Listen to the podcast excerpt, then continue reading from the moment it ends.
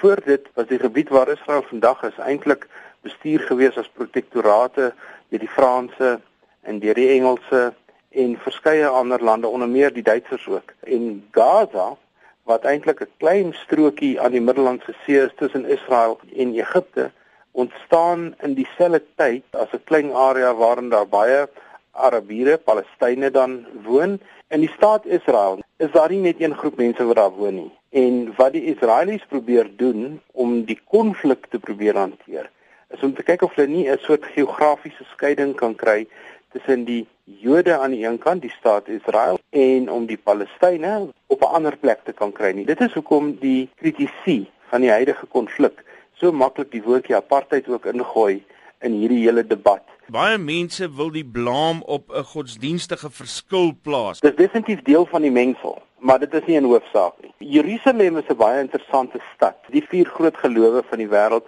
maak in 'n sekere sin almal aanspraak op Jerusalem. So die wêreld se godsdienstgeskiedenis sny op 'n manier 'n lyn deur Jerusalem en ek dink dis waar die godsdienstige dimensie of komponent van die konflik vandaan kom. Dis 'n konflik met 'n baie lang aanloop en 'n baie lang verloop. Waar het dit alles begin? Ek dink nie 'n mens hoef terug te gaan na die Bybelse tyd nie. Ek weet baie mense probeer daardie verband trek. Ek dink histories en religieus kan 'n mens dit tot 'n mate doen, maar die konflik wat ons vandag beleef, die afgelope week of 2, is eintlik 'n maaksel van na die Tweede Wêreldoorlog toe die staat Israel geskep is onder meer deur die vlugtelinge wat uit Europa uit um, onttrek het. Jy sal onthou dat gedurende die Tweede Wêreldoorlog was die Jode aan geweldige onderdrukking blootgestel in Nazi-Duitsland.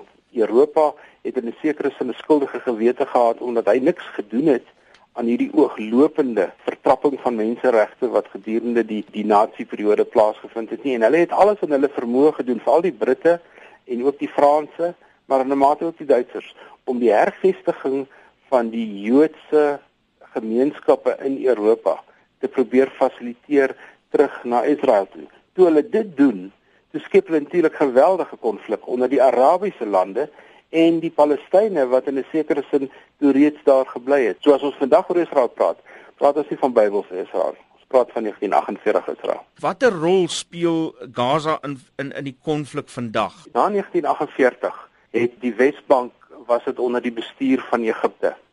Van 1967 af is die Wesbank wat vandag Gaza is onder bestuur van die Israelies op verskillende maniere.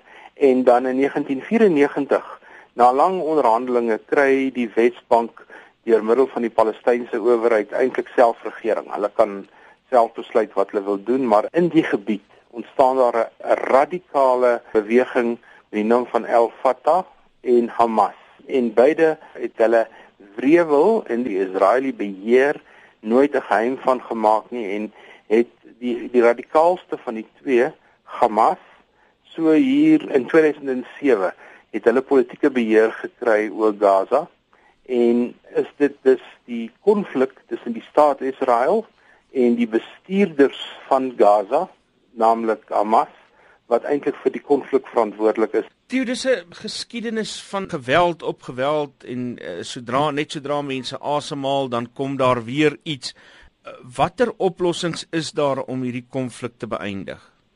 Baie is al probeer. Tans is die mees aanvaarde konvensionele oplossing vir hierdie konflik is die sogenaamde twee-staat oplossing en dit sê dat Israel moet 'n autonome erkende internasionale staat wees soos enige ander staat van die 193 wat daar in die wêreld is, maar die Wesbank of Gaza moet ook absolute onafhanklikheid kry. Hy word reeds deur die Verenigde Nasies erken as 'n as 'n soewereine gebied, maar nog nie deur die wêreldopinie in die geheel nie.